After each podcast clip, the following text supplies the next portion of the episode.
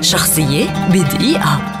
ولد الكاتب والشاعر والمسرحي المصري أحمد شوقي عام 1868 في سن الخامسة عشر بدأ المعلمون بملاحظة براعة أحمد شوقي الشعرية وتأثر شعره بالشعراء القدماء من العرب أمثال المتنبي وتأثر نتيجة لسفره بالشعر الغربي أمثال راسينا وموليير تميز شعره بالفصاحة والجمال مما جعل جميع شعراء العرب يبايعونه كأمير للشعراء العرب عام 1927 ميلادي. أبرز أعماله الشعرية ديوان الشوقيات. أما أعماله الروائية فهي روايتي الفرعون الأخير وعذراء الهند. كان رائدا في المسرح الشعري العربي فقدم مسرحية مصرع كليوباترا ومجنون ليلى البخيلة وغيرها الكثير. رحل أحمد شوقي عام 1932 وقد اعتبر من رواد النهضة الأدبية في مصر.